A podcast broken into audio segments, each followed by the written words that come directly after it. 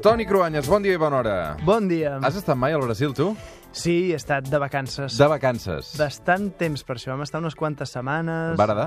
Uh, molt, molt, molt. Molt divers. Vam fer Rio de Janeiro, uh, Salvador de Bahia, l'Amazones, una part. Avui anem fins al Brasil, però no ben bé per fer-hi vacances. Um país que viu seus valores familiares desgastados, mergulhar no país numa mais profunda crise ética, moral e econômica nunca vista. O nosso país realmente está à beira do caos. Aquest que sentim és Jair Bolsonaro, un exmilitar i un ideari d'extrema dreta. És un dels dos candidats que opten a la presidència del Brasil a la segona volta de les eleccions que, de fet, eh, es fan avui. Per tant, avui amb mirada especialment al Brasil, però avui el que farem amb el Toni és una mirada una mica històrica, eh? Sí, ens estem acostumant arreu del món a aquest creixement dels ultras, o diguem-ne de partits autoritaris. Són nostàlgics de les dictadures d'abans. Ho veiem a Espanya amb l'impuls de Vox, que també es reprodueix a altres llocs recentment, a França, Alemanya, als Estats Units de Donald Trump. Però al Brasil les circumstàncies socials i polítiques són molt diferents. Com sempre, el Toni ens explica eh, notícies, però des d'una mirada històrica, i avui precisament és el que volem fer. Sí, avui anem fins al Brasil per entendre un dels seus trets distintius que potser ajuden a explicar per què un defensor de la dictadura pot guanyar unes eleccions en ple segle XXI al país del sucre i del cafè, del mango i de la caipirinha.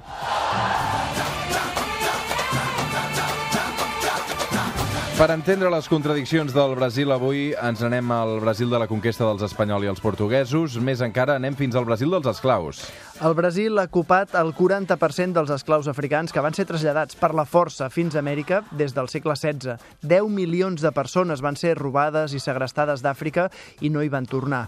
Els esclavistes els anaven a buscar tan a prop dels ports africans com podien, però estudis actuals demostren que en el cas del Brasil la diversitat ètnica dels africans que van emportar-se és enorme. Creuen que la demanda d'esclaus era tan gran i la competència amb els compradors d'esclaus de l'Amèrica del Nord era tan forta que van fer que els esclavistes brasilers s'endinsessin molt a l'interior del continent africà per buscar gent per emportar-se. A més, es calcula que més de la meitat dels que sortien en vaixell fins a Amèrica morien durant el trajecte per l'oceà Atlàntic. Les condicions de salubritat eren infames, les epidèmies eren contínues i sovint els que no morien de malaltia els podien maltar per desobediència, per arbitrarietat o, o perquè alguna infecció els havia deixat amb alguna incapacitat que no permetria vendre'ls al preu desitjat. Les setmanes de periple a alta mar havien de ser un veritable infern.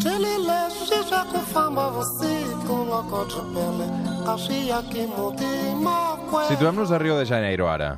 Sí, va ser una de les principals entrades d'africans, sobretot per la proximitat de les mines d'or a la regió interior de Minas Gerais, però l'entrada més important dels africans és San Salvador de Bahia.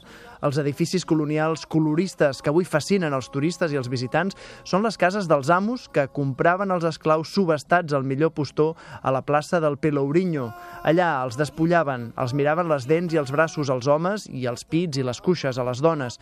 N'enviaven la gran majoria a les plantacions creixents de sucre i cafè i a les mines d'or i els que es quedaven per als serveis domèstics, el mateix Salvador de Bahia, van ser els que van exercir la influència inicial de la cultura i la religió que avui són la idiosincràsia del Brasil, la santeria en què barrejaven l'animisme de les tribus africanes amb els noms dels sants catòlics oficials.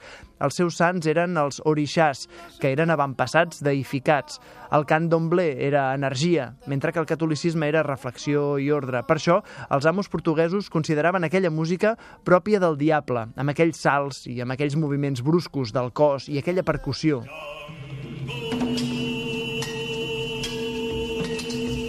Toni Cruanyes, fins quan va durar l'esclavisme a Amèrica? Haití va ser el primer país on es va abolir el 1794 i va ser una conseqüència de la Revolució Francesa, perquè llavors Haití era colònia francesa. Els valors de la Revolució a Europa van servir per alliberar els esclaus a Amèrica. Els Estats Units es van abolir el 1865, després de la Guerra de Secessió, que va enfrontar el sud i el nord dels Estats Units justament per l'esclavitud. I el Brasil va ser l'últim país en abolir-la, el 1888. Per això el seu llegat és més profund i més nombrós. Segons l'últim cens, els descendents dels esclaus són avui el 50,7% dels 190 milions de brasilers. Hi ha més afrodescendents que no fills i nets dels indígenes i dels europeus sumats. El cens de persones que viuen al Brasil avui revela la magnitud de l'impacte de la cultura, la religió i la manera de fer dels africans en la identitat brasilera, tan atractiva, precisament perquè és tan mestissa. La gran quantitat d'esclaus que van ser alliberats, però a la vegada sense cap sostén ni lloc on viure, va provocar els conflictes entre els propietaris latifundistes i la massa de camperols sense res.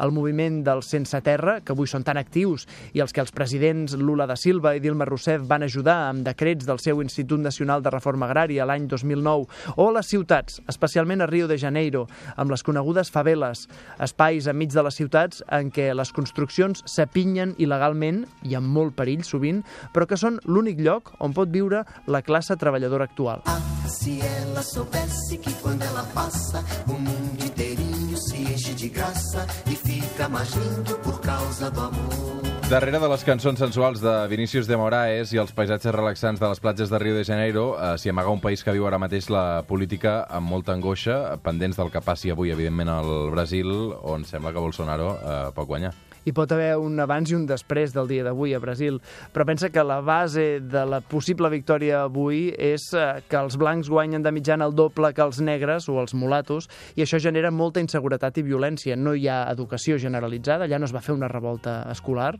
i ara les classes poderoses busquen la revenja després de les polítiques redistribuïdores de Lula. I sobretot hi ha nostàlgia del discurs econòmic dels països emergents, dels BRICS, que fa uns anys havien de créixer sense fi. Això s'ha acabat. La nostàlgia de l'època de la llei i l'ordre de la dictadura militar, segurament Jair Bolsonaro, per molts brasilers, representa això. Bolsonaro,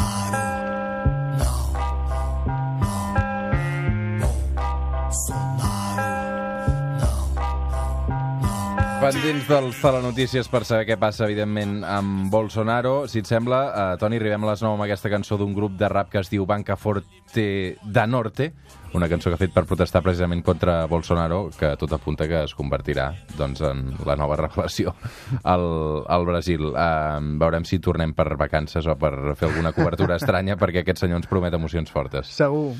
Gràcies, Toni, una abraçada. Vinga, bon dia.